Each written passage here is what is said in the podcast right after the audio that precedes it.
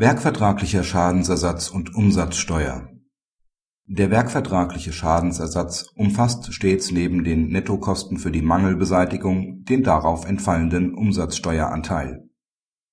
Der Auftragnehmer hat für den Auftraggeber mangelbehaftete Bauleistungen erbracht. Dieser macht im Rahmen seines Schadensersatzanspruchs Mangelbeseitigungskosten zuzüglich Umsatzsteuer geltend.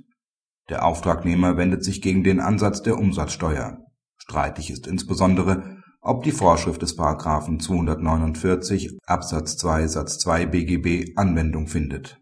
Nach Auffassung des OLG Zelle ist dies aus zwei Erwägungen nicht der Fall.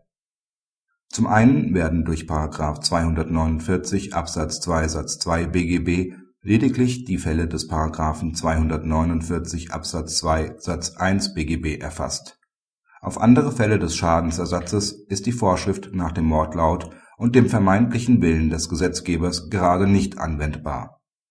Zum anderen handelt es sich beim werkvertraglichen Mangelbeseitigungs und dem daraus resultierenden Schadensersatzanspruch gerade nicht um den Fall der Beschädigung einer Sache.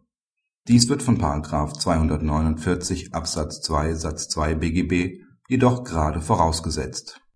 Ausblick das OLG München hat in einem vergleichbaren Fall im Hinblick auf die Frage der Erstattung der Umsatzsteuer die Revision zum BGH zugelassen.